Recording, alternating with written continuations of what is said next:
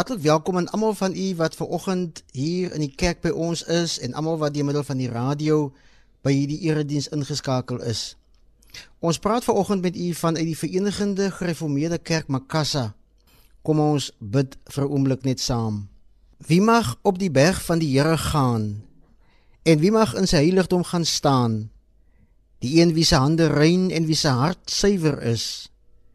Wat alle bedrog vermy en geen vals eed aflê nie.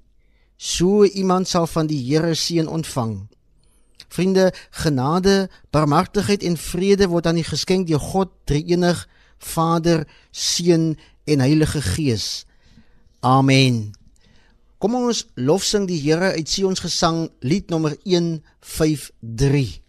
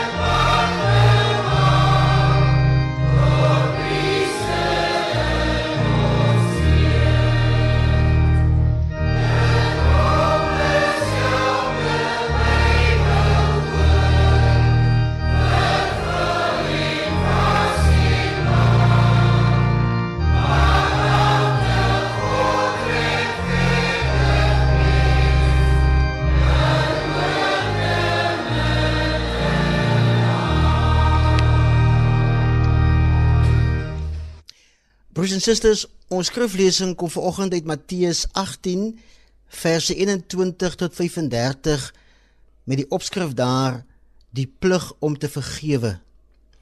Dit is dan ook ons tema vanoggend dat daar 'n evangeliese verpligting op elkeen van ons rus om te vergewe. Kom ons lees hierdie skrifgedeelte saam.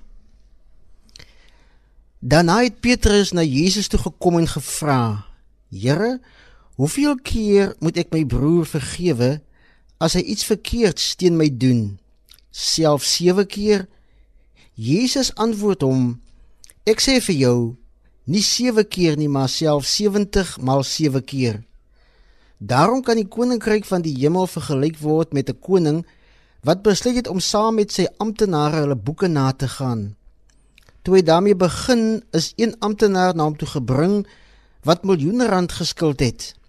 Hy kon dit nie betaal nie en daarom het die koning beveel dat hy en sy vrou en sy kinders en alles wat hy het verkoop en die skuld betaal moet word. Die man het voor hom neergeval en gesoebat. "Gee my tog uitstel. Ek sal die alles terugbetaal." Die koning het hom jammer gekry om laat gaan en sy skuld afgeskryf. Toe daardie man buite kom, het hy een van sy mede-amptenare raakgeloop wat hom met net 'n paar rand geskuld het. Hy het hom gegryp en gewurg en gesê: "Betaal wat jy skuld." Sy mede-amptenaar het voor hom neergeval en hom gesmeek: "Gee my tog uitstel, ek sal jou betaal." Maar hy wou nie en hy is daar weg om hom in die tronk te laat gooi totdat hy die skuld betaal het. Toe sy mede-amptenare sien wat gebeur het, was hulle diep teleurgestel en het hulle alles wat gebeur het vir hulle koning gaan vertel. Die koning het hom laat haal en vir hom gesê: "Jou skurk, al daardie skuld het ek vir jou afgeskryf omdat jy my gesoebat het. Moes jy nie ook jou mede-amptenaar jammer gekry het soos ek jou jammer gekry het nie?" Die koning was woedend en het hom oorgegee om gemartel te word totdat hy al die skuld betaal het. So sal my Vader wat in die hemel is ook met julle maak as julle nie elkeen sy broer van harte vergewe nie.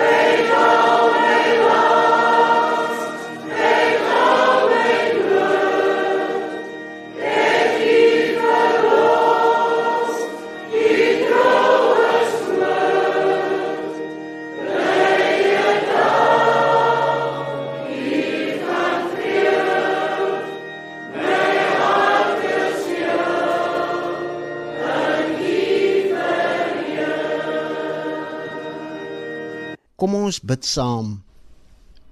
Here, ons het sopas uit die woord gelees 'n storie wat U self vertel oor vergifnis en kwytskelding. By die lees van U woord kom daar vir ons altyd lig. Want die woord is U lig op ons pad en U lamp vir ons voete. Help ons om vanoggend weer iets te begryp van hoe groot U vergifnis aan ons was. Help ons om weer vanoggend U grootheid, U oneindige liefde en U groot genade vir ons as mense te ontdek deur hierdie geleesde gedeelte. Help ons dat ons uit iets van hierdie liefde en van vergifnis ook aan ons naaste sal uitdeel en sal meedeel. Help ons om na die aanhoor van die woord beter mense te word, 'n bietjie sagter met mekaar om te gaan sodat u vergifnis aan ons ook sigbaar sal word. Amen.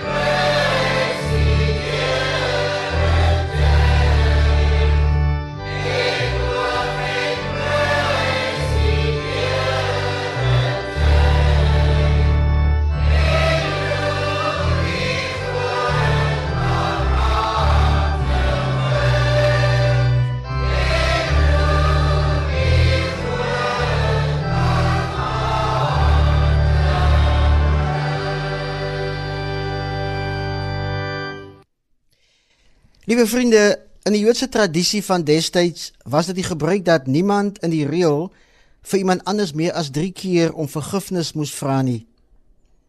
Dit was wat ons noem die rabbiniese reël van die tyd.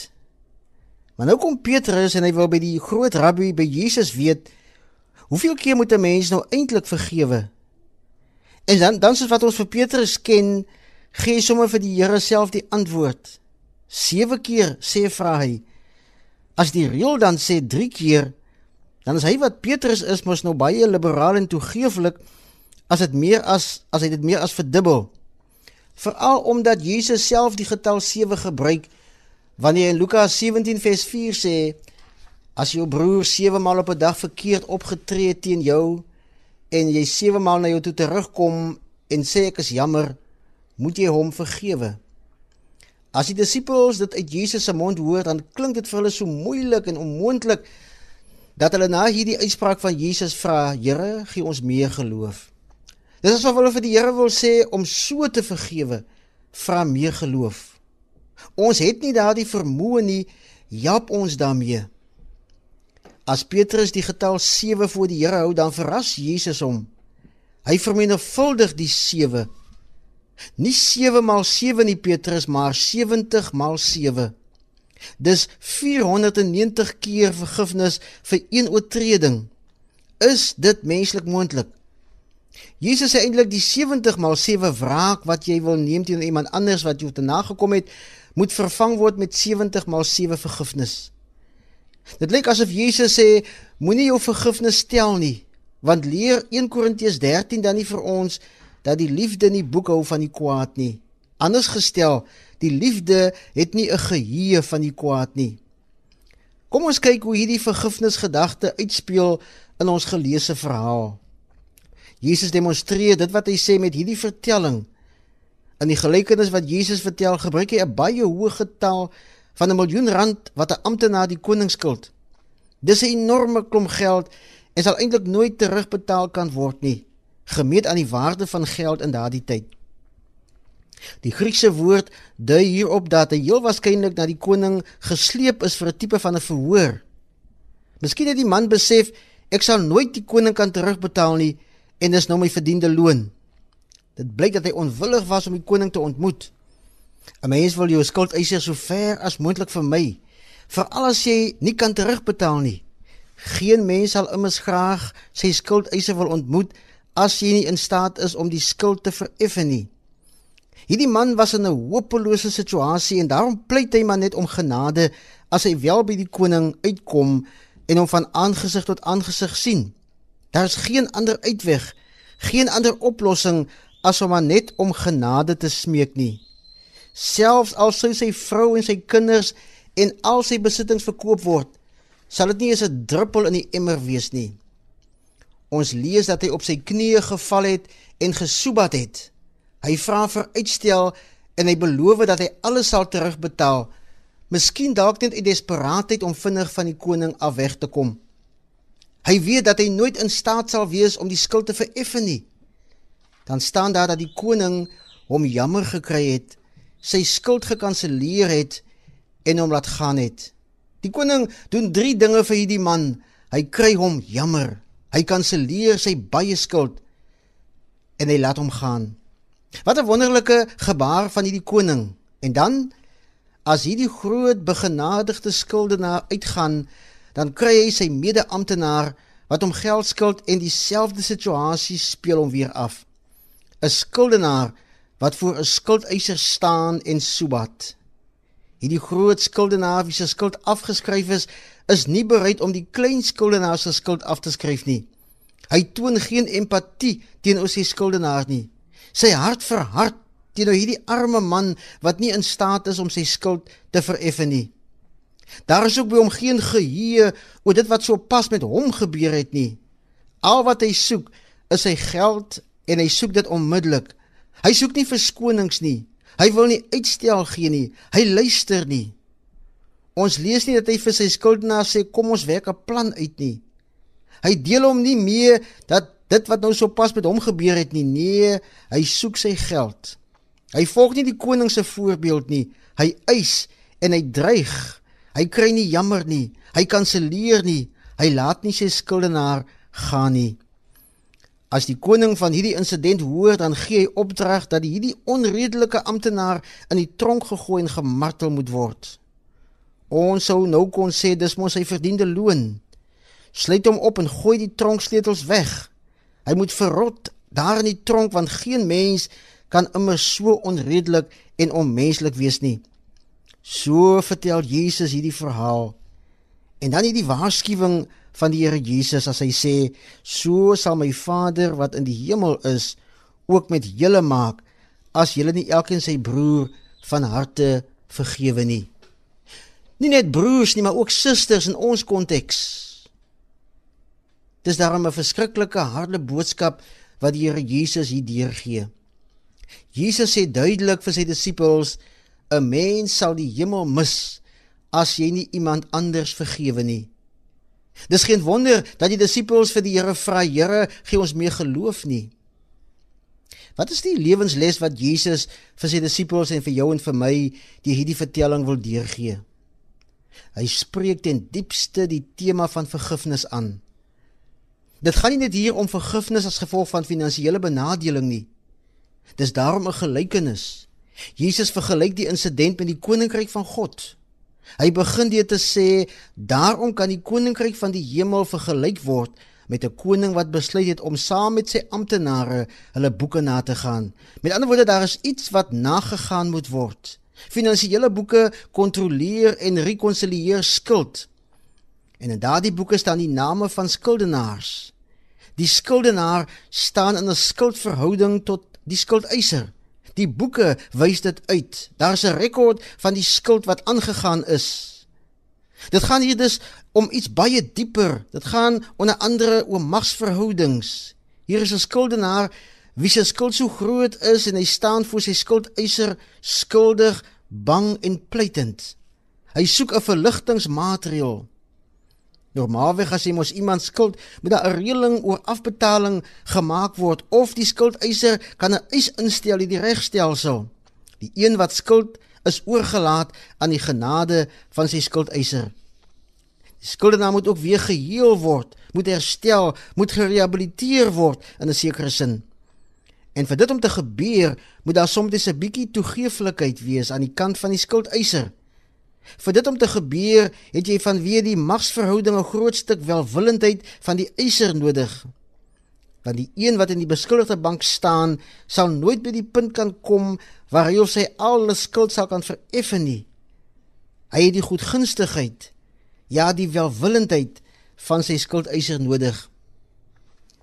Wanneer daar skuld betrokke is, beteken dit iemand het finansiëel seer gekry, iemand het 'n verlies gely, iemand is in 'n emosionele wond toegedien.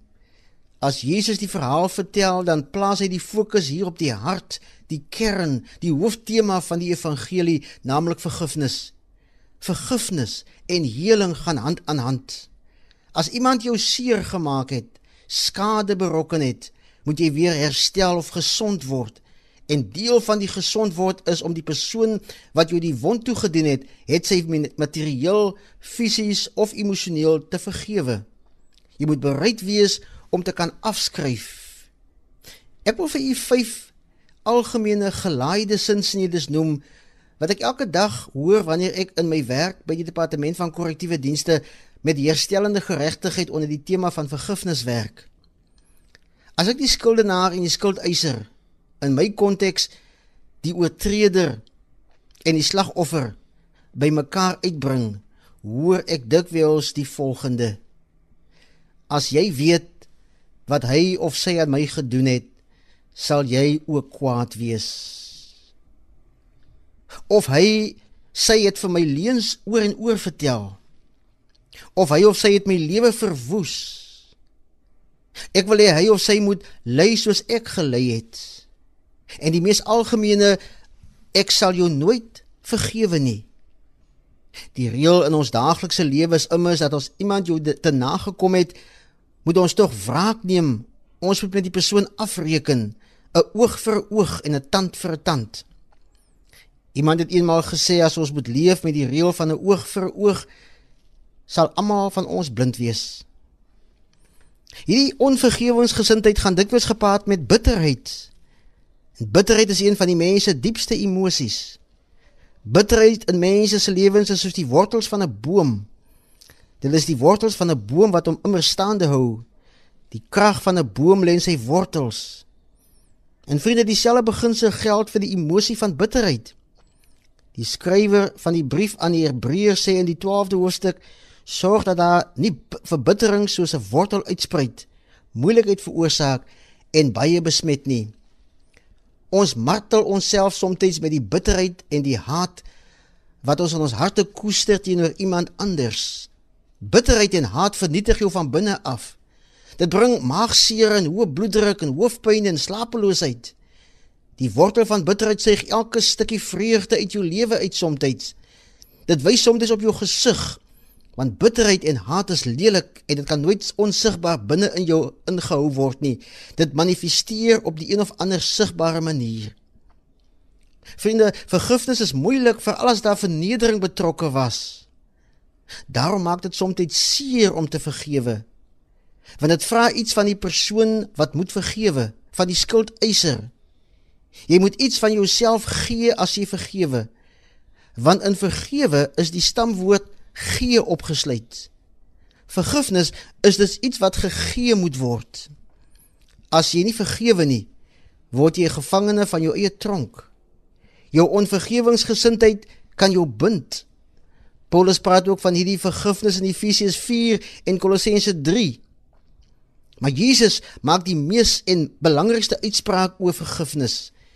Die grootste uitspraak oor vergifnis word aan die kruis gemaak as Jesus sê Vader vergewe hulle want hulle weet nie wat hulle doen nie. As Jesus vir sy Vader om vergifnis bid vir sy oortredes dan lag hulle en hulle spot hom. As jy die seun van God is, red jouself. En as hulle hom doodmaak, dan is hulle self voldaan en tevrede. Tog vra Jesus vir sy Vader om hulle te vergewe. Hy demonstreer hierdie vergifnis verder met die verhaal in ons geleesde gedeelte wat hy self vertel. Die amptenaar wat kwytskelding kry van sy eie skuld was nie bereid om dieselfde kwytskelding aan iemand wat hom min skuld te gee nie. God gee kwytskelding van ons sondeskuld deur die kruis van Jesus Christus.